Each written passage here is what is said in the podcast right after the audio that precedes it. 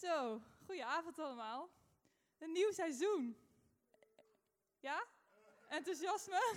Dat was heel zielig. Nee, wij hebben er echt super veel zin in. Ik hoop jullie ook. En uh, we gaan vandaag openen. We gaan het woord induiken. En uh, ik hoop dat jullie een beetje enthousiast zijn over het woord. Ik kan me nog herinneren, toen ik wat jonger was, toen ik bij de tieners zat, dat je wel eens dacht van, oké, nou, hè, daar komt die preek weer, hoort er even bij. Zitten we gewoon, ja toch? Ik ga even heel eerlijk zijn. Dan zit je daar gewoon, je luistert een beetje, halverwege dan uh, gaat het een beetje over je hoofd heen. Hebben jullie misschien ook wel eens. Maar ik wil je echt aanmoedigen, probeer op te letten. Um, weet je wel, trainen. Ja, Mark zei dat, ik weet niet of jullie dat gehoord hebben. Niet proberen, maar trainen. Maar weet je, dit woord, we gaan niet zomaar even wat lezen en dan een verhaaltje erbij verzinnen en dan hebben we de preek weer gehad en dan is de dienst voorbij. Dit woord kan echt je leven veranderen. Echt, het heeft mijn leven veranderd en het kan jouw leven veranderen. En je leven zal nooit meer hetzelfde zijn op een hele, hele goede manier. Dus hoe jij hier zit, maakt ook echt heel erg uit of je leven verandert. Daar kan je zelf voor kiezen. Je kan hier kiezen om hier te zitten met, wow, we gaan het woord openen, ik ga van God horen dit kan mijn leven veranderen. Of je kan hier gewoon zitten, nou oké, ik wacht alweer tot het voorbij is. Het, is jouw keuze, weet je. En uh, ik wil je gewoon aanmoedigen, zit hier vandaag om te horen van God. Om uh, ja, je leven veranderd te zien worden. Dus dat. We gaan het seizoen beginnen met ons geweldige nieuwe thema. Wij zijn er echt heel enthousiast over. Taking territory. Weten jullie wat dat betekent? Of staat die hier? Wie weet wat dat betekent? Ja. Ja, gebied innemen. Heel goed. Gebied innemen. Klinkt nog steeds een beetje vaag, denk ik, of niet? Ja, toch? Hier mogen we wel een beetje antwoord geven. Beetje vaag. Wat voor gebied gaan we dan innemen? Gaan wij als een soort leger uh, België veroveren? Ja, volgens mij worden ze daar wel enthousiast van. Ik weet niet uh, waar jullie last van hebben, maar we gaan niet België innemen. oh, nee, dat gaan we niet doen. Duitsland ook niet. Nee. Nee, jongens, we gaan dit jaar grond in bezit nemen. De tekst die we gebruiken dit seizoen, elke plek waar jullie je voeten zullen neerzetten, zal ik aan jullie geven. Dit is iets wat God zegt in de Bijbel. En we geloven voor dit seizoen dat elke plek waar wij als jeugd samen onze voet gaan neerzetten, dat dat gebied gaan we innemen. Dat gebied heeft God aan ons gegeven. En wat wij moeten doen is stappen zetten en erin gaan staan en het in bezit gaan nemen. En wij geloven dat dit een super bijzonder seizoen gaat zijn. Een seizoen van doorbraak, waarin we dingen gaan meemaken die we nog nooit hebben meegemaakt. Wij hebben echt heel erg veel verwachting. En we gaan samen als jeugd nieuwe gebieden innemen. Dat is spannend, dat is leuk. We gaan iets nieuws doen. Zijn jullie daar klaar voor? Yes. Ik uh, wil graag met jullie gaan lezen uit Jozua. Hebben jullie je Bijbel bij? Ik zie een paar telefoons ook. Uh, neem je Bijbel mee. Als je komt naar Nehemia Youth, neem je Bijbel mee. We gaan lezen in Jozua 1.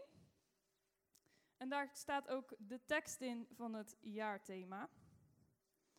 Even een stukje achtergrond jullie weten waarschijnlijk, veel van jullie weten wel, dat God aan het volk Israël een land had beloofd. Het beloofde land noemen we dat vaak. En hij had dit beloofd aan Mozes en dat Mozes de Israëlieten dat land zou inleiden. Nou, dat duurde allemaal heel lang. We weten dat ze heel lang in de woestijn bleven rondlopen. Dat uh, heeft een aantal jaartjes langer geduurd dan dat de bedoeling was. 40 jaar, klein beetje langer.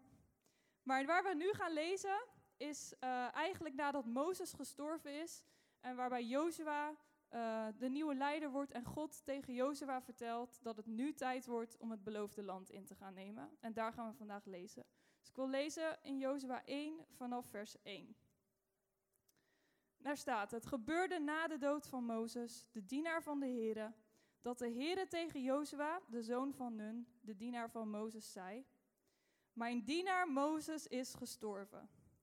Nu dan, sta op, steek de Jordaan over, u en heel dit volk, naar het land dat ik aan hen, de Israëlieten, ga geven. En daar komt onze tekst. Elke plaats die uw voedsel betreedt, heb ik u gegeven, overeenkomstig wat ik tot Mozes gesproken heb. Van de woestijn en deze Libanon af tot aan de grote rivier, de rivier de Eufraat, heel het land van de Hethieten en tot de grote zee waar de zon ondergaat, zal uw gebied zijn. Een heel groot gebied. Niemand zal tegenover u stand houden al de dagen van uw leven. Zoals ik met Mozes geweest ben, zal ik met u zijn. Ik zal u niet loslaten en u niet verlaten. Wees sterk en wees moedig, want u zult dit volk, het land dat ik hun vaderen gezworen heb hun te geven, in erfbezit laten nemen. Alleen wees sterk en zeer moedig, door nauwlettend te handelen overeenkomstig heel de wet die Mozes, mijn dienaar, u geboden heeft. Wijk daar niet van af, niet naar rechts of naar links, opdat u verstandig zult handelen overal waar u gaat.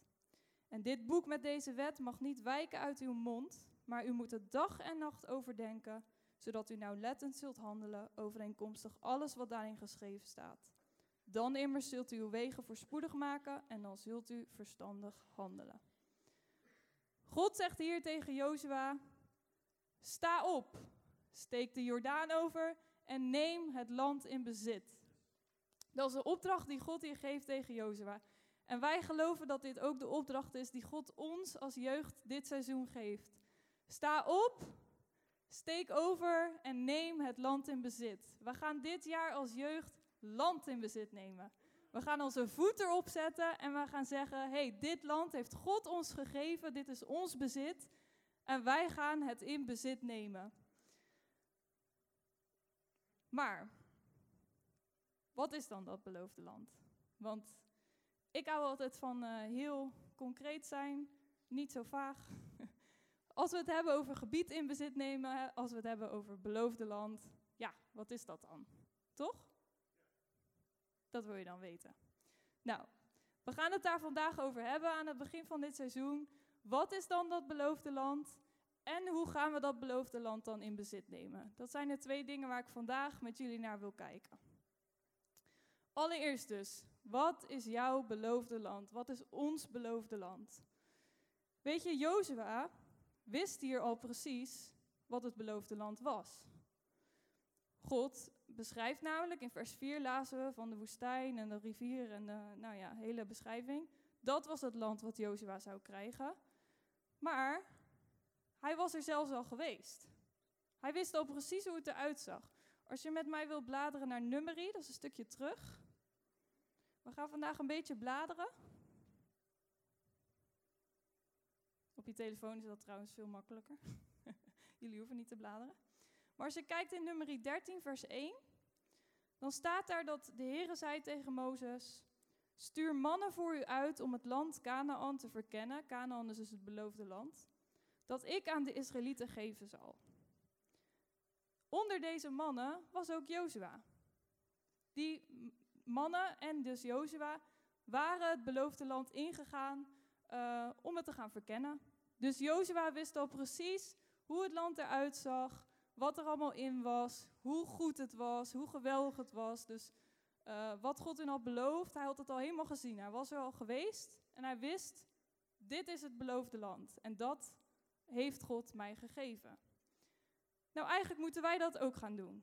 Ons beloofde land gaan we verkennen. We gaan uh, verspieder zijn, net zoals deze mannen. Je moet weten wat je beloofde land is, toch? Want hoe kunnen wij iets gaan innemen als je niet weet wat het is? Toch? Gaan even heel logisch zijn vandaag. Nou, wat is dus ons beloofde land? We gaan het eens even verkennen vandaag. Als je met mij bladert naar Efeze 1, gaan we weer even een heel stukje verder.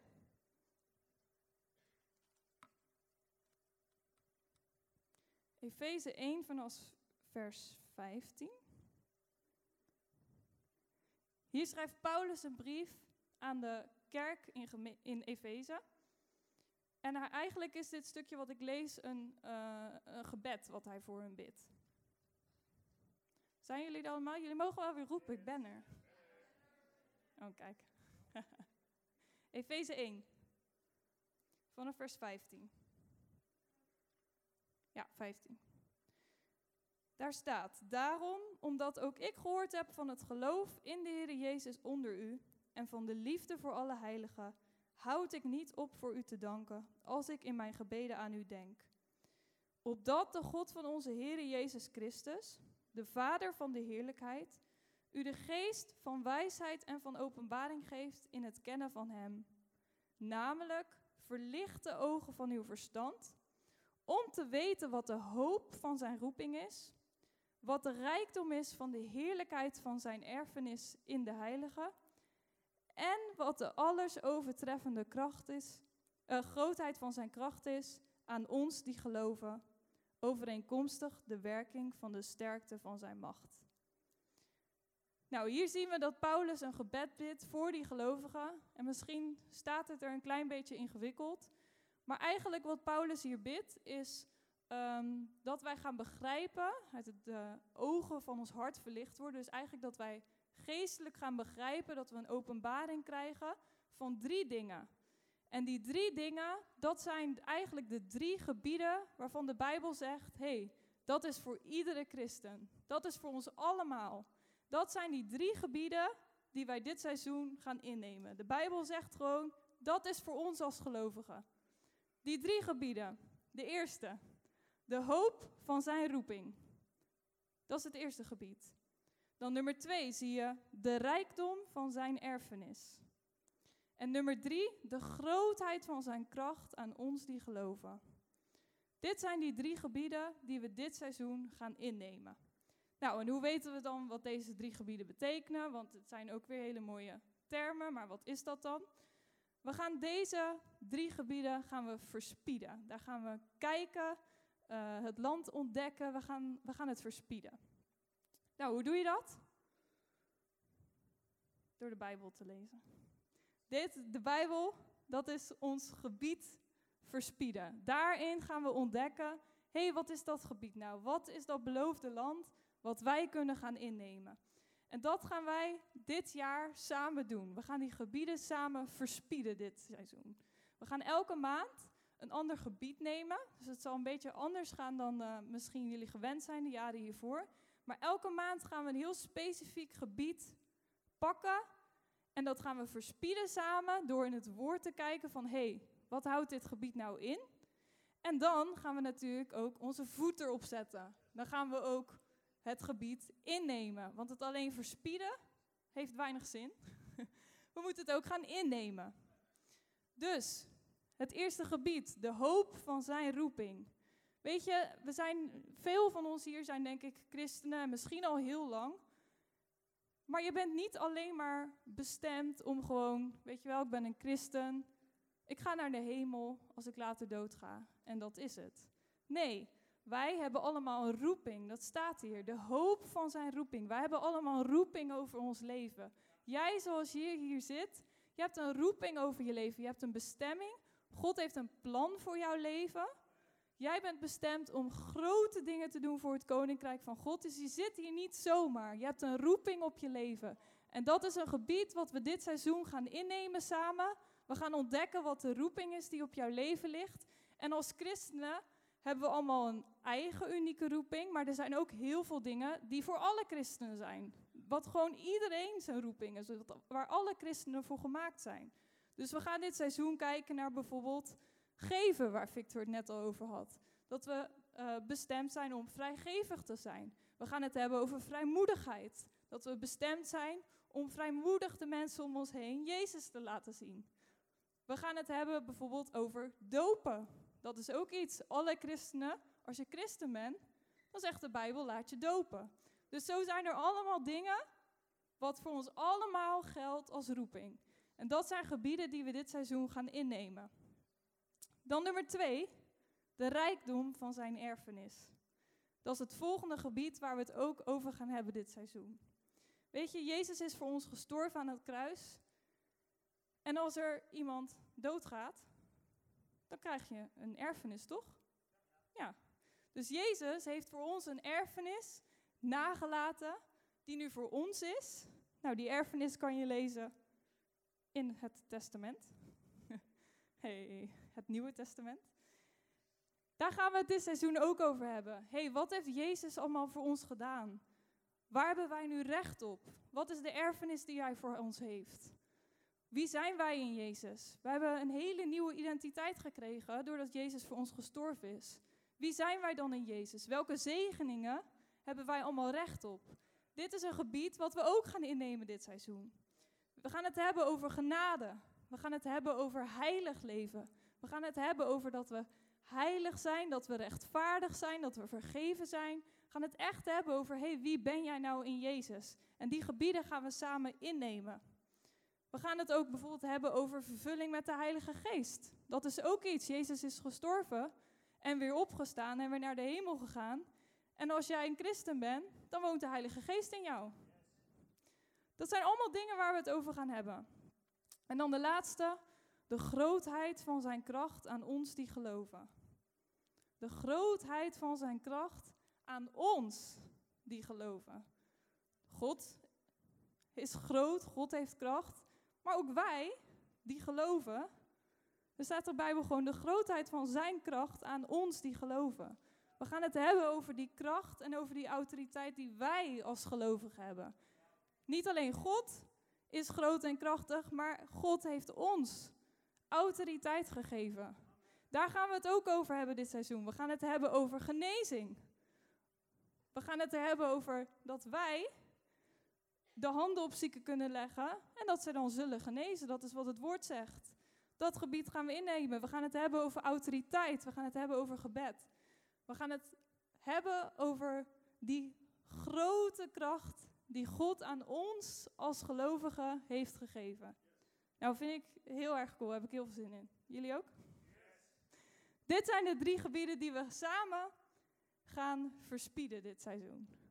Maar goed, alleen verspieden, zoals ik net zei, daar hebben we weinig aan, toch? Ik kan wel weten hoe mijn beloofde land eruit ziet, maar als ik er nooit wat mee doe, daar heb ik nog steeds niks aan. Dus ik wil het vandaag met jullie gaan hebben. Hoe ga jij dan dit gebied in bezit nemen? Je hebt al een paar dingen gehoord over je beloofde land. Moet je even voorstellen, gewoon even jij persoonlijk. Soms dan denk ik daarover na als je gewoon even voor jezelf voorstelt. Stel je voor dat jij bidt voor iemand die in een rolstoel zit en zo uit die rolstoel opstaat en genezen is. Denk dat even na, dat dat bij jou, bij jezelf gebeurt. Dat wil toch iedereen, of niet? Willen jullie dat? Dat zou toch super vet zijn, of niet? Stel je voor dat, um, waar we het net hadden over geven, dat jij besluit om nou, best wel veel geld weg te geven voor, voor ja, iets wat gewoon wel echt wat kost. En dat je dan een getuigenis hebt dat je, weet ik veel, de week daarna, ja, Chris steekt zijn hand op, ja, wij hebben genoeg getuigenissen, dat je opeens vier keer zoveel terugkrijgt. Dat, wie wil dat nou niet meemaken, toch? Wie wilt er nou niet meemaken? Denk even jij persoonlijk. Dat jij op school aan iemand uit je klas vertelt over Jezus en dat je zo met diegene mag bidden en dat je diegene bij Jezus mag brengen. Zou je dat niet willen? Stel je voor, heel groot denken dat je hele klas tot geloof komt. Doordat jij aan iemand wat vertelt en dan kan je het aan de volgende vertellen en dan worden ze super enthousiast en dan gaan ze het ook en dan is opeens heel je klas tot geloof gekomen. Gaat heel je klas mee naar de New Gen of naar de Awaken. Dan zit jij hier zo met 30 mensen uit je klas. Zou je dat niet willen? Ja, toch? Ik wel. Dat, is de, dat zijn de gebieden die we dit seizoen in bezit gaan nemen. En ik geloof echt dat als wij dat gebied, als wij onze voet erop gaan zetten, stapje voor stapje, dat dit soort dingen gewoon echt kunnen gebeuren. Want het staat in de Bijbel. In de Bijbel gebeurde dit, toch? We lezen hierover. Dus als het in de Bijbel staat, dan moet dat wel gebeuren. Ik heb er heel veel zin in. Oké, ik ben niet de enige. Oké, we gaan het hebben over hoe ga je jouw beloofde land in bezit nemen. Zijn jullie er klaar voor? Mooi. Oké, even één, één ding ter intro. We hebben gezien net wat je beloofde land is. Maar um, dat zijn beloften uit Gods woord. Dat zijn dingen die Gods woord zegt, dat dat voor ons is als gelovigen. Maar betekent dat dat dan dat dat automatisch gebeurt? Wat denken jullie? Nee. Soms, um, en ik zelf denk ik ook wel eens dat ik dat gehad heb, uh, zijn mensen een beetje in de war met hoe het werkt met God. Weet je, God, ja, God regeert, ja. Zeker, amen. Maar betekent dat dat alles wat de wil van God is automatisch gebeurt? Nee. Sommige mensen zeggen, ja oké, dit gebeurde niet, dus het zal wel de wil van God zijn. Dit gebeurde wel, dus het zal wel de wil van God zijn. Ja, zo gaat het, weet je wel. Het is de wil van God, het gebeurt, het, of het gebeurt niet. Ja. Maar weet je, de Bijbel is er heel duidelijk over dat God ons autoriteit en verantwoordelijkheid heeft gegeven. En dat wij ook een rol te spelen hebben. Wij hebben die verantwoordelijkheid en die autoriteit om ons beloofde land in bezit te nemen. En soms klinkt dat heel uh, vaag, maar stel je even voor, die Israëlieten, God had dat land aan hun beloofd. Hè, dit is jullie land. Oké, nou konden ze zeggen, oké, dat geloven we. Maar als zij niet vervolgens waren opgestaan, die Jordaan door waren gegaan en hadden gedaan wat God zei dat ze moesten doen, nou dan weet ik zeker dat ze daar nog in die woestijn zaten. Toch? Ja, je kan wel een belofte hebben van God, maar als je dan vervolgens gewoon blijft zitten, ja oké, nou God heeft gezegd, dus het komt wel, dan gebeurt er niks. Dus wij hebben echt ook een eigen verantwoordelijkheid. En ik wil om dit uh, duidelijk te maken even in Exodus 3 lezen. We helemaal naar het begin. Dit is waar God tegen Mozes sprak in de brandende braamstuik. Zo noemden we het eigenlijk altijd op de zondagschool, kinderkerk. Ik weet niet hoe het nu heet. Hebben jullie dat verhaal wel eens gehoord? God in de brandende struik, ja toch? Ja, ik zie wat handen. We Exodus 3 en dan vanaf vers 7, daar zien we dat God in die struik tot Mozes spreekt. En hier zien we uh, wanneer God eigenlijk dat beloofde land gaat beloven. Vers 7. De Heere zei, ik heb duidelijk de onderdrukking van mijn volk, dat in Egypte is, gezien en heb hun geschreeuw om hulp vanwege hun slavendrijvers gehoord. Voorzeker, ik ken hun leed. Daarom ben ik neergekomen om het volk te redden uit de hand van de Egyptenaren en het te leiden uit dit land naar een goed en ruim land, naar een land dat overvloeit van melk en honing, naar het gebied van de allemaal item. Nu dan, zie, het geschreeuw om hulp van de Israëlieten is tot mij gekomen en ik heb ook de onderdrukking gezien waarmee de Egyptenaren hen onderdrukken. Nu dan, ga op weg. Ik zal u naar de farao zenden en u zult mijn volk, de Israëlieten, uit Egypte leiden.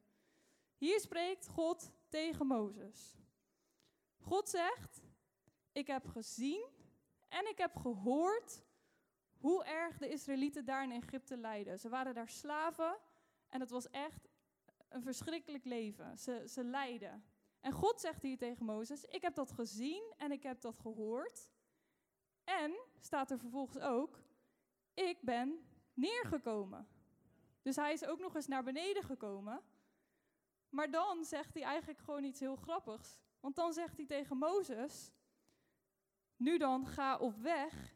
Ik zal u naar de farao zenden. En u zult mijn volk uit Egypte leiden. Oftewel, God zegt tegen Mozes: Jij moet het doen. God heeft het gehoord, God heeft het gezien, maar God zegt vervolgens wel tegen Mozes: Jij moet het doen. God werkt altijd door mensen heen. God kan niks doen op deze aarde dan door mensen heen. En wij hebben er soms wel van gemaakt. Nou, als het Gods wil dan gebeurt het wel. Maar God gebruikt mensen. God gebruikte Mozes om het volk te bevrijden. God had het gezien, God had het gehoord, maar hij zei: Mozes, jij moet gaan. Jij moet het doen. En als Mozes dat niet had gedaan, dan was het niet gebeurd. Dan had God misschien wel iemand anders gevonden. Maar God werkt wel door mensen heen. Dus wij moeten zelf ons grond in bezit gaan nemen. Wij hebben een verantwoordelijkheid om er iets mee te doen. Dus alle beloften in de Bijbel zijn ja en amen. Zijn voor ons, maar we moeten er wel zelf iets mee gaan doen. En dat is onze verantwoordelijkheid. En dat gaan we dit seizoen doen. Wij gaan onze voet erop zetten. Wij gaan onze rol spelen die wij moeten doen. Dus, hoe neem je je beloofde land, hoe neem je jouw gebied in bezit? Dat is heel makkelijk antwoord eigenlijk. Eén woord. Door geloof. Geloof weer, ja, daar heb je hem weer. Jullie denken, oh, we hebben een ander thema. We hebben twee jaar een thema gehad met faith, met geloof erin. Die denken, we zijn daar eindelijk vanaf. Maar nee, we gaan gewoon verder. Hoe neem je jouw beloofde land in bezit? Door geloof. De Bijbel zegt in Hebreeën 3, vers 19 over dat volk Israël dat zij het land niet konden ingaan vanwege hun ongeloof. Dat is letterlijk wat de Bijbel zegt. Oftewel, door ongeloof konden de Israëlieten het beloofde land eerst niet in, toen ze nog die 40 jaar in de woestijn waren. Dus als ik dan even denk, oké, hoe moet je dan wel het beloofde land in? Door geloof, toch? Dat is gewoon tegenovergestelde logica, toch? 1 en 1 is 2, ja, dat is de ABC van de Bijbel. Er is geloof nodig om het land in bezit te nemen. Nou, hoe gaan we dat dan doen? Ik wil heel even terug naar Jozua 1, waar we net waren. Want eigenlijk geeft Jozua 1 in vers 8 al die strategie om dat beloofde land in bezit te nemen. In Jozua 1 vers 8 staat namelijk dat dit boek, het woord van God, niet uit je mond mag wijken, u moet het dag en nacht overdenken, zodat u nauwlettend zult handelen overeenkomstig alles wat erin geschreven staat. Oftewel, je moet het eerst overdenken, dan moet je het spreken en dan moet je er naar handelen. Dit is de, de drievoudige strategie om het beloofde land in bezit te nemen. Drie punten. Je moet erover denken, je moet erover spreken en dan moet je er naar handelen. Dat is hoe wij gebied in bezit gaan nemen. Dat is hoe wij dit seizoen als Nehemia Youth grondbezit, die gebieden, onze roeping, onze erfenis en de kracht die God aan ons gegeven heeft, in bezit gaan nemen. Door dit woord te overdenken, door erover te spreken en door er naar te handelen. Dus laten we die drie punten doorgaan en kijken hoe we dat dan doen. Allereerst dus denken in geloof. Dat is zo belangrijk. Dus stap 1. Waar denk jij over? Weet je, toen God zei tegen Jozua dat hij op moest staan en het beloofde land in bezit moest nemen, was dat land in Gods gedachten al van Israël. In vers 3 zie je dat elke plaats die uw voedsel betreedt, heb ik u gegeven. God heeft het al gegeven. In Gods gedachten was dat land, was al van Israël. Ook al was het natuurlijk gezien niet zo, want Israël woonde daar nog niet, had het nog niet veroverd. Maar God zegt al, ik heb het jullie gegeven. In Gods gedachten was het al zo. En wij moeten gaan leren te denken zoals God over ons denkt. Hoe denkt God over jou? Hoe in Gods gedachten zijn al die beloften waar we het net over gehad hebben, is al zo. God denkt al zo over jou. En wij moeten onze gedachten in lijn brengen met Gods gedachten. Wij moeten hetzelfde gaan denken zoals God over ons denkt. Laten we kijken even weer nummer 13. Ik blader steeds heen en weer tussen nummer en uh, Jozua. In nummer 13, vanaf vers 31 gaan we lezen. Hier kijken we weer naar die verspieders. Dus dit was weer voordat ze het beloofde land hadden ingenomen, had God gezegd: ga dat land verkennen. Nou, die verspieders waren dat land ingegaan, hadden alles bekeken hoe het er allemaal uitzag. En toen kwamen ze daarna van hun verspiedingsontdekkingstocht, kwamen ze weer terug en toen gingen ze verslag uitbrengen. Wat zeggen ze in vers 31? Hier zeggen die mannen, wij kunnen tegen dat volk niet optrekken, want het is sterker dan wij. En zij lieten een kwaad gerucht uitgaan bij de Israëlieten over het land dat zij verkend hadden, door te zeggen: Het land waar wij doorgetrokken zijn om het te verkennen, is een land dat zijn inwoners verslindt. En heel het volk dat wij in het midden daarvan gezien hebben, bestaat uit mannen van grote lengte. Nederlanders. wij hebben ook reuzen gezien, nakomelingen van Enak, nakomelingen van voorste afstammelingen van Nederlanders, afkomstig van de reuzen. En wij waren in onze eigen ogen als sprinkhanen. En zo waren wij ook in hun ogen. Deze mensen zeiden over zichzelf, in onze eigen ogen waren wij als sprinkhanen. Zij dachten over zichzelf heel erg klein eigenlijk. Zij dachten over zichzelf, ja, wij zijn niks. Kijk die grote mensen in dat land, kijk hoe sterk ze allemaal zijn. Dat waren reuzen, dat waren echt hele grote mensen. Zij dachten, ja, wij zijn echt sprinkhanen. In hun eigen gedachten maakten ze zichzelf heel erg klein. En ehm, dit is denk ik iets wat wij zelf ook vaak doen. Zij wisten, God had al tegen hun gezegd dat dit land aan hun beloofd was. Dat wisten ze. God had dat tegen hun gezegd. Dus ondanks dat zij wisten dat dit land van hun was, want God had dat gezegd, zeiden ze nog steeds: nee, dat gaat niet lukken. Wij zijn zo klein, wij zijn sprinkhanen, dit, dat, dit kan gewoon niet. En ik denk dat ik, ik heb dat ook heel vaak, dat wij dat zelf ook heel vaak doen. Dat wij uh, niet denken zoals God over ons denkt. Je moet weten wat God over jou zegt, hoe God over jou denkt. Dat gebied gaan we verspieden door in die Bijbel te lezen. Hoe denkt God nou over mij? Is hoe ik over mezelf denk, klopt dat eigenlijk wel? Is dat hoe God over mij denkt? De duivel die valt ons vaak aan met leugens. Ik weet niet hoe het met jou zit, maar soms heb je van die gedachten die dan opeens bij je opkomen. Als je iets moet doen of zo, uh, dat kan ik niet. Als ik hier moet preken, dan kan ik best wel die week ervoor denken van, ja, maar dat kan ik toch niet? Wie ben ik nou om dit te gaan doen? Kan ik dat eigenlijk wel? Of misschien um, heb je van de week echt iets heel stoms gedaan en dan kunnen er van die gedachten in je opkomen ja, zie je wel, ik ben ook niet goed genoeg. Ik doe het ook nooit goed. Of misschien wel, kan ik nu wel bij God komen? Want ik heb dit en dit gedaan, dat is toch wel echt heel erg. Dan kan ik toch eigenlijk niet meer bij God komen. Weet je, we kunnen allemaal van die gedachten wel eens hebben over niet goed genoeg zijn, negatieve gedachten over jezelf, sprinkhanen gedachten. dat we onszelf zien als klein, als nietig, als het niet waard, als mislukt, whatever.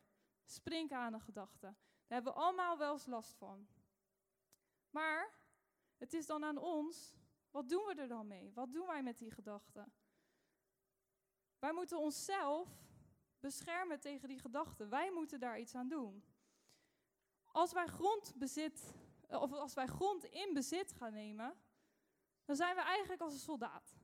Nee, toch? Als, als, als je grond in bezit, taking territory, we hadden het al over uh, België in bezit nemen of zo. Daar heb je een leger voor nodig, toch? Dat zijn soldaten die dat doen. Nou, zo zijn wij allemaal eigenlijk een soldaat. En een soldaat, die heeft iets aan, toch? En die heeft een wapenuitrusting. Nou, jullie weten vast allemaal dat er iets in de Bijbel over staat, over de wapenuitrusting. Als we heel snel naar Efeze 6 bladeren.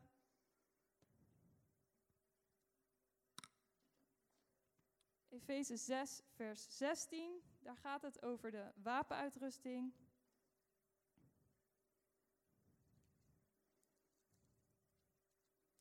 Zijn jullie er al? Eén vers. Daar staat: Neem bovenal het schild van het geloof op, waarmee u alle vurige pijlen van de boze zult kunnen uitblussen. Het schild van het geloof. Die gedachten die op jou afkomen zijn eigenlijk als vurige pijlen. Dan gebeurt er iets en dan komt er opeens zo'n pijl. Uh, je bent niet goed genoeg. Of uh, ah, je hebt het alweer uh, mislukt gedaan. Of God houdt eigenlijk helemaal niet van me, want dat kan toch niet als ik dit en dit doe. Van die vurige pijlen die op je afkomen. En die pijlen komen. Dat gebeurt, daar hebben we allemaal wel eens last van. Maar het is dan aan ons, nemen we ons schild van geloof op. Er staat bovenal, dus dat is super belangrijk, boven alles. Neem dat schild van geloof op. En dat was echt zo'n heel groot Romeins schild. Dan neem je dat schild zo op en dan komt er zo'n pijl en dan kun je gewoon zo. En dan ga je er gewoon achter staan. Dan doe je gewoon zo. Zie je het voor je? Echt zo'n heel groot schild. En die pijlen kunnen je dan niet raken. Die pijlen die stonden dan in, in, uh, in vuur en vlam. En die kwamen dan op dat schild en dan gingen ze uit. En dan konden ze niks doen. Dan deden ze je geen kwaad. En dat is dat schild van geloof dat we tegenover die gedachten moeten zetten. Het is heel belangrijk dus wel om te weten wat het woord over jou zegt, hoe God over jou denkt. Want dat schild van geloof is geloof in de waarheid. Wat is de waarheid? Het woord. Dus je moet de waarheid kennen. En als er dan die gedachten komen, dan weet jij, nee, dit is niet de waarheid. Ik weet wat de waarheid is. Ik weet wat God over mij zegt. Er komt misschien zo'n pijl op me af, maar ik weet dat dit niet klopt. Zet mijn schild op en nee, want God zegt iets anders over mij. Ik ken de waarheid. En dat is dat schild van geloof wat je moet gaan leren gebruiken om al die pijlen af te weren. En daar moet je gewoon mee oefenen. Dat is trainen. Dat is misschien niet in één keer zo makkelijk, maar als jij dat woord in gaat duiken, en we zeggen dit echt heel vaak bij de jeugd, maar het is echt, echt, echt waar. Ga je Bijbel lezen. Echt waar. Dat is zo belangrijk. Je leert Gods gedachten over jou kennen. En doordat je Gods gedachten over jou kent, kan je dat schild van geloof gaan gebruiken. En elke keer als er zo'n gedachte komt die niet klopt, dan zeg je nee, dit klopt niet. En je zet je schild er tegenover en die pijlen kunnen jou niet raken. Die pijlen vallen gewoon zo op de grond. Duivel kan jij niks meer maken. Als jij weet hoe God over jou denkt, komt het gewoon niet aan. Doet geen pijn, valt gewoon op de grond. Denken in geloof. Je gedachten in lijn brengen met Gods gedachten. Dat is nummer één om het gebied in bezit te nemen. Dus als we het gaan hebben over deze gebieden dit seizoen, ik wil je echt uitdagen. Elke maand hebben we een ander thema, een ander gebied wat we gaan innemen. Kom je dan ook echt met verwachting? Ik ga dit gebied in bezit nemen, dit seizoen. Als het er gaat om over genade, als het gaat over genezing, als het gaat over um, autoriteit en gebed. Maakt niet uit waar het over gaat. Je kan dat gebied in bezit gaan nemen. En ga je gewoon voorbereiden. Ga dat woord lezen. hey, wat zegt God eigenlijk hierover? Wat ik kan, wat ik heb, wie ik ben. Ga Gods gedachten daarover lezen, zodat je al kan gaan denken. Weet je wel, soms kan je gewoon jezelf al inbeelden in dat beloofde land. Oh, ik, ik beeld mezelf in dat als ik voor iemand bid, dat hij gewoon spontaan uit zijn rolstoel springt. Ik beeld me in dat als ik bid voor iemand met kanker, dat die kanker gewoon helemaal verdwenen is. Ga het gewoon in je gedachten al voor je zien, weet je wel? Ga er gewoon over denken, want dat is stap 1. Dat jij in je gedachten al ziet dat het gaat gebeuren. Dat is stap 1. Dan hebben we stap 2. Dus we hebben denken. En dan hebben we spreken. Heel goed. Spreken is nummer 2. Als je jouw gedachten in lijn brengt met Gods gedachten, moet je daarna ook je spreken in lijn brengen met wat God zegt. Dat is hetzelfde verhaal eigenlijk weer van die verspieders in nummer 13. Ga ik weer even terugbladeren. Nummer 13 vanaf vers 27. Daar zien we ook wat over het spreken. Hier zie je namelijk weer die verspieders, die waren teruggekomen van hun tocht. En die zeggen hier tegen Mozes: Wij zijn in dat land gekomen waarheen u ons gestuurd hebt. En werkelijk, het vloeit over van melk en honing. En dit is zijn vrucht. Het volk echter dat in dat land woont, is sterk. De steden zijn versterkt en heel groot. En ook hebben wij daar nakomelingen van Enak gezien. Zijn die reuzen weer. En dan in vers 31, wat we net ook lazen, die mannen zeggen: Wij kunnen niet tegen dat volk optrekken, want het is sterker dan ons. Dit is wat die verspieders spraken, wat ze zeiden. Dus het was niet alleen zo dat ze zichzelf in hun gedachten als sprinkhanen zagen, die sprinkhanen gedachten, maar ze spreken het ook nog eens uit. En wat ik zo grappig vond, wat ik um, nu zag, is dat ze eigenlijk eerst zeggen: Dit land is werkelijk, het vloeit over van melk en honing. Dit land is geweldig. Dit land is inderdaad precies zoals God het beloofd heeft. Het is zo'n goed land, zo'n fijn land. Nou, daar zou ik echt wel willen wonen. Maar wij kunnen dat niet innemen, want die mensen daar zijn heel sterk en die steden daar zijn heel sterk. En nou, dat gaat echt niet lukken. En om heel eerlijk te zijn, dit is dan zo'n verhaal wat gaat over het volk Israël en dat is allemaal leuk en zo. Maar om heel eerlijk te zijn, doen wij het ook heel vaak zo. We lezen iets in de Bijbel. Oh, wat geweldig. Genezing is voor iedereen. Oh, wat geweldig. Maar bij die en die en die heb ik dat niet gezien. Dus ja, ik weet het niet zo goed. Heel eerlijk. Of ja, de Bijbel zegt dat we allemaal vervuld kunnen zijn met de Heilige Geest en dat we allemaal in tongen kunnen spreken. Maar ja, bij mij gebeurt het niet. Of bij die en die gebeurt het ook niet. Heel vaak doen we dit. We zien de Gods belofte, we zien dat het goed is, maar we zetten er tegenover, of eigenlijk erboven, wat we zien of hebben meegemaakt. Toch? Ben ik de enige die dat wel eens heeft gedaan? Ja, volgens mij doen we dat allemaal wel eens. Gods beloften zijn zo geweldig. Ja, dit is echt waar. Dit staat in de Bijbel, maar ik zie het niet. Het gebeurt niet. En dit is eigenlijk wat de Israëlieten hier ook deden. Ze zien hoe goed het was, ze zien die belofte, maar ze voegen even maar tegenover. Zij kijken meer naar de natuurlijke omstandigheden dan dat ze vertrouwen op wat God heeft gezegd. Want God had tegen hun letterlijk gezegd: Ik geef dit land aan jullie. Maar zij zetten daar eigenlijk daarboven hun natuurlijke omstandigheden. Daar vertrouwden ze meer op dan wat God had gezegd.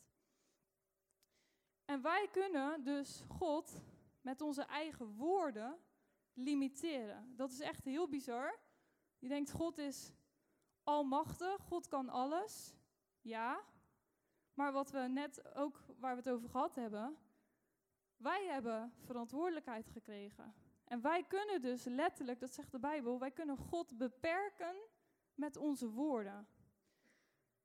De Israëlieten kwamen dus ook het beloofde land niet binnen in eerste instantie, die 40 jaar in de woestijn moesten blijven, door hun ongeloof. Dat is ook wat we gelezen hebben net. Dus jouw woorden zijn zo belangrijk wat je zegt. En hier hebben we het ook al heel vaak over gehad, maar het is echt zo. Jouw woorden zijn zo belangrijk. Om jouw beloofde land in te gaan, moet je ook gaan spreken wat God spreekt. In dit verhaal, deze verspieders zetten allemaal die natuurlijke omstandigheden boven wat God had gezegd.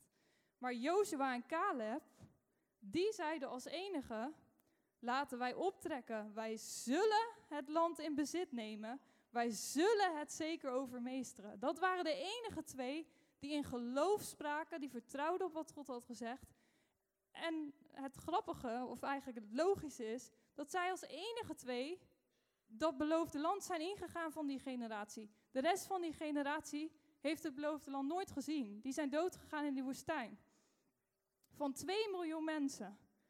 2 miljoen mensen. En twee zijn het beloofde land wel ingegaan. Omdat zij geloofden wat God zei en spraken wat God zei. Spreken in geloof. Zo belangrijk. Dus ook hetzelfde als met je gedachten, hetzelfde als met je spreken. Ga dus ook niet zeggen, ja, als ik voor iemand bid, dan geneest hij toch niet. Dat kan beter uh, Victor doen. Dat, dat, moet je, ja, dat moet je echt niet zeggen. Of dingen als, ehm, ik, ja, ik kan toch niet in tongentaal spreken. Dat is niet voor mij, dat is voor andere mensen. Hoe vaak, en ook hoe vaak ik dat zelf heb gedaan, hè, maar hoe vaak ik het ook om me heen hoor, dat mensen dat soort dingen zeggen. Zeg het niet. Ook al zie je het nog niet met je natuurlijke ogen, misschien spreek je nog niet in tongen, maakt niet uit. Ga vertellen wat het woord zegt. Spreek de woorden die God zegt. Want dat is geloof. Ook al zie je het nog niet, je gaat het uitspreken, je brengt je gedachten in lijn met Gods woord. Dat is geloof. Dan hebben we het dus denken, spreken. En wat is dan het logische gevolg? Handelen, de laatste. Want ja, we kunnen allemaal denken in geloof en spreken in geloof. Maar als we dan niks doen, dan zitten we nog steeds niet in dat beloofde land, toch? We moeten onze voet erop zetten. De Bijbel zegt, geloof zonder werken is dood. geloof zonder werken is dood. Wat ook logisch is, want als jij echt iets gelooft en je gaat het niet doen, ja, geloof je het dan eigenlijk wel? Toch? Ja, eigenlijk is het ook heel logisch. Het is dus belangrijk om God te gehoorzamen. Eigenlijk handelen in geloof is gewoon gehoorzamen. Want je leest wat in het woord van God staat. Je gaat zo denken over jezelf. Je gaat zo spreken over jezelf. En uiteindelijk is het dan dus ook doen wat de Bijbel zegt. Je gaat gehoorzamen. In Jozua 1 vers 7 staat dus ook... Even bladeren. Wees sterk en zeer moedig door nauwlettend te handelen overeenkomstig heel de wet. Dus dat is eigenlijk gewoon het woord, de Bijbel. Je, je wordt sterk en moedig door te handelen naar het woord. Door dat te doen, word je sterk en moedig. En wij doen het vaak, denk ik, een beetje andersom. Ik wou dat ik zo moedig was dat ik uitstapte om voor iemand te bidden. Of ik wou dat ik zo moedig was om diegene die ik daar uh, op straat zie over Jezus te vertellen. Maar eigenlijk is het andersom. Door te gehoorzamen en door het gewoon te gaan doen, ook al is het vaak wel een beetje eng en is het heel erg uit je comfortzone, maar het moment dat je dat gaat doen, daar word je sterker en moedig van. Dus hoe meer we gaan gehoorzamen en hoe meer we het gaan doen en hoe meer we onze voeten op dingen gaan zetten, hoe sterker en moediger we worden. Want we gaan het doen en we zien dat het gebeurt en we gaan het nog een keer doen en we zien dat het gebeurt. En je wordt sterk en moedig door uit te stappen, door te gehoorzamen. Door nooit wat te gaan doen, word je ook niet sterk en moedig. Want je ziet niks gebeuren, word je niet sterk en moedig van. Maar door te gaan uitstappen in geloof, door te gaan gehoorzamen, gaat je geloof nog meer groeien. Want je ziet dingen gebeuren.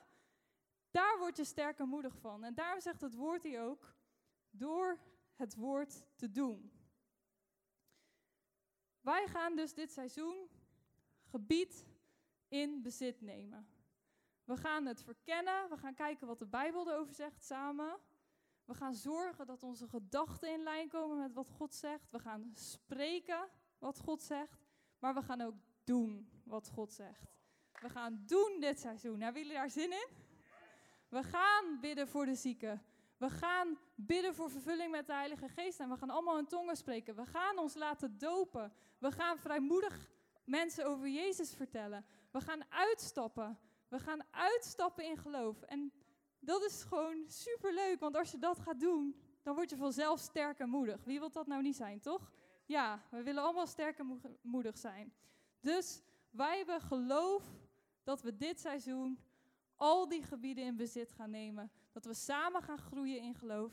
Weet je, het is een wandel met God. Dus je hoeft niet gelijk helemaal daar te zijn. Maar elke keer dat jij een stapje neemt, ga je weer een stukje verder het beloofde land in. We zetten elke keer een stap. En elke stap die we zetten, zegt God, die heb ik aan jou gegeven. Dat waar je je voet op zet. Echt, ik heb er heel erg veel zin in.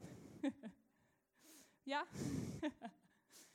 maar weet je, we hebben het hier vandaag uh, gehad over dit grond in bezit nemen. Misschien zit je hier vandaag, ben je voor de allereerste keer, uh, of misschien ben je hier al vaker geweest, maar heb je eigenlijk zoiets van, ik ken God eigenlijk helemaal niet. Ik ken Jezus niet echt. We hebben, je hebt allemaal dingen gehoord over grond in bezit nemen, over geloof, um, maar je gelooft eigenlijk nog helemaal niet in Jezus. Dat is het allereerste gebied wat je in kunt nemen. Dat is de allereerste stap die je kunt zetten in geloof. Dat is Jezus ontmoeten, Jezus in je hart aanvaarden en Jezus jouw Heer en Redder maken. Weet je, God houdt zo ontzettend veel van jou. God heeft een geweldig plan met je leven. Waar wat ik net al aan het begin zei, je hebt een roeping. God heeft een geweldig plan met je leven. Je bent hier niet voor niks. God heeft jou gemaakt voor een reden, voor een doel. Hij heeft grootste dingen voor jou in petto. En hij houdt ontzettend veel van je. En ik wil je eigenlijk wat vragen. Stel je voor dat je vanavond zou komen te overlijden. We zijn allemaal heel jong hier, gaat niet gebeuren. Maar stel dat.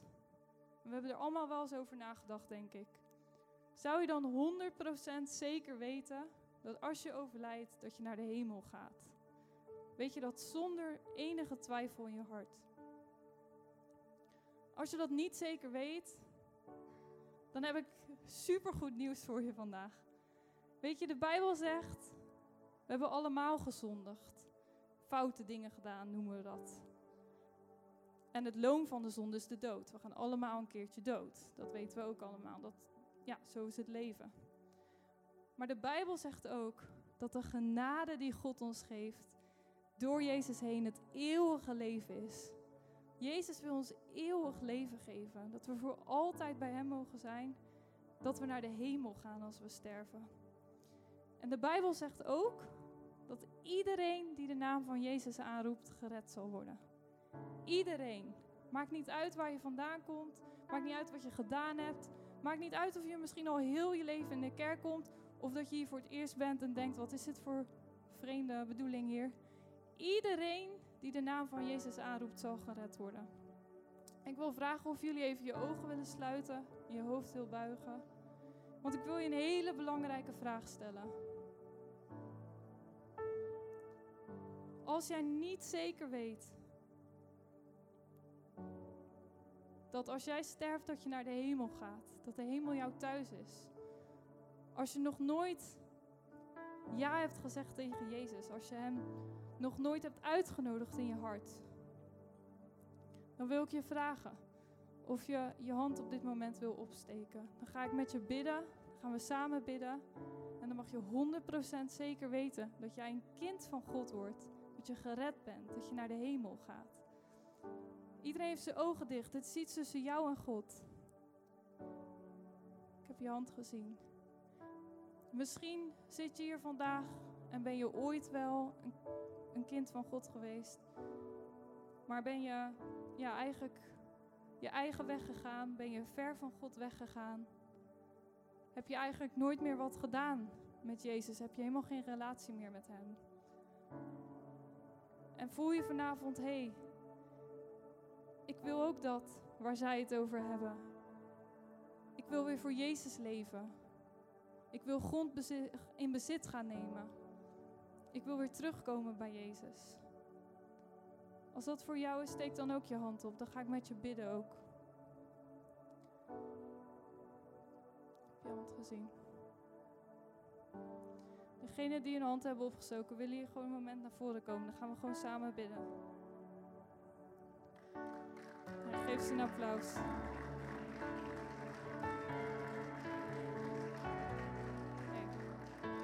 Je mag gewoon even naar mij kijken. Yes. Laten we samen bidden. Jullie mogen me gewoon nabidden. Zeg maar, lieve Heer Jezus. Kom in mijn hart. Was en reinig mij. Vergeef me mijn zonde. Heer, ik geloof dat u voor mij gestorven bent. Dat u voor mij weer bent opgestaan. En dat u weer voor mij terugkomt. Ik ben een kind van God. Ik ben vergeven. Ik ben gered. Ik ben op weg naar de hemel. Amen. Vanaf vandaag zijn jullie een kind van God.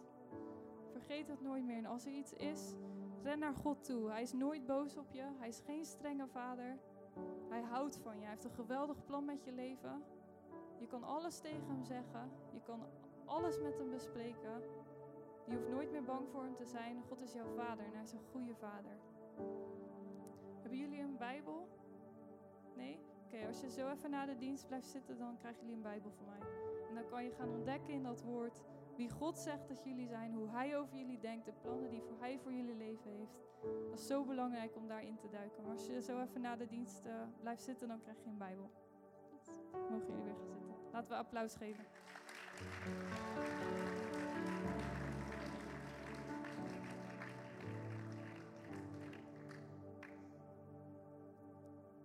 We hebben het nu gehad over grond in bezit nemen. In geloof gaan staan, gaan denken, gaan handelen, gaan spreken. En ik wil eigenlijk gewoon het openzetten hier. Als je echt zegt vanavond, als je een besluit neemt, want dit is gewoon echt een besluit dat je neemt. Als je zegt, ik wil hiervoor gaan. Ik wil dit seizoen grond in bezit gaan nemen. Ik wil gaan staan in geloof. Ik wil gaan spreken in geloof. Ik wil gaan handelen in geloof.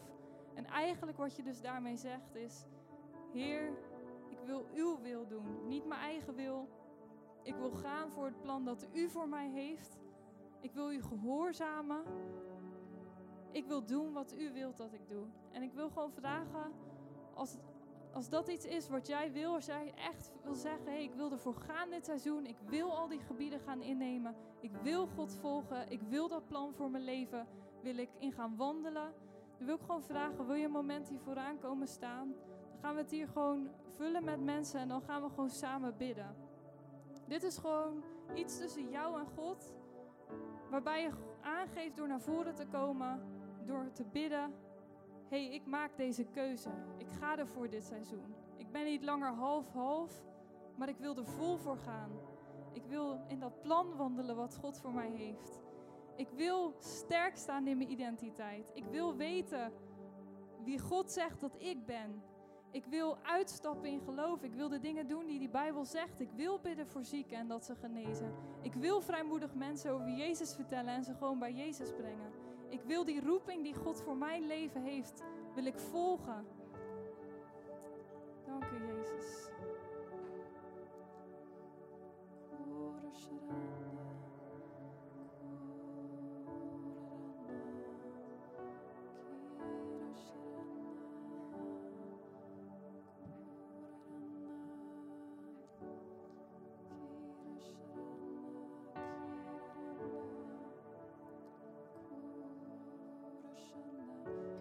Stukje hierheen. Sluit maar je ogen en hef gewoon je handen op. Dit is een moment tussen jou en God. Heeft niks met mij te maken of de zaal. Maar doordat je hier staat, zeg je tegen God: Heer, ik wil u volgen. Ik wil het plan dat u voor mij heeft, wil ik volgen. Dus richt je gewoon op God.